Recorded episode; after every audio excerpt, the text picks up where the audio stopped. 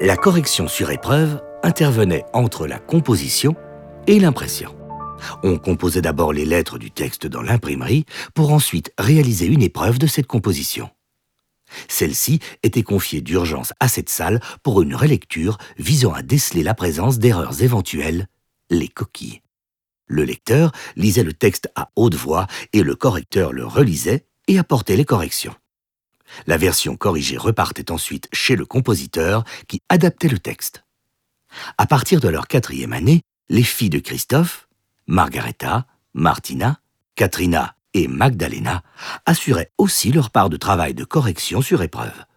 Du moins jusqu'à ce qu'elles atteignent l'âge de 12 ans.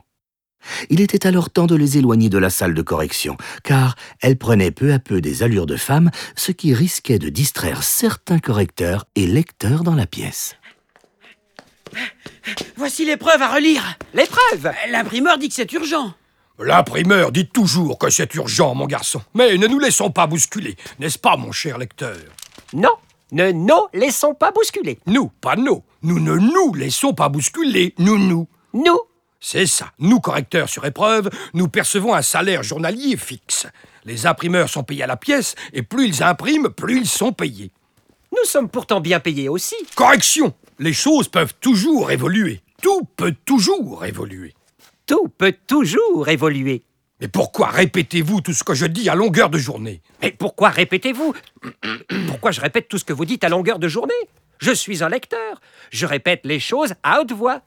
D'ailleurs, pourquoi me corrigez-vous toujours Je suis un correcteur, donc je corrige. Euh, L'imprimeur demande si c'est enfin terminé. Oui, oui, nous y sommes presque. Oui, oui, nous y sommes presque. Pourquoi copie-t-il tout ce qu'on dit Copier Non, pourquoi répète-t-il tout ce qu'on dit Oui, pourquoi répète-t-il tout ce qu'on dit Mais pourquoi répète-t-il tout ce qu'on dit Bon, ça va, ça va, ça va, on a compris, hein Euh, Taisez-vous. Oui, taisez-vous. Mais allez-vous enfin cesser de tout répéter Mais allez-vous enfin cesser Hmm.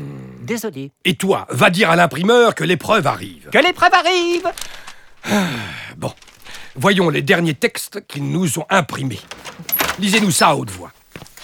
Bon Dieu Qu'est-ce qu'elle est devenue belle Bon Dieu, qu'est-ce qu'elle est... Mais- mais il n'y a rien de tel sur ma feuille, mon ami.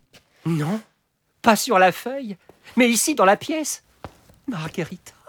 Margherita, c'est une pizza. Ce que tu vois là, c'est Margareta.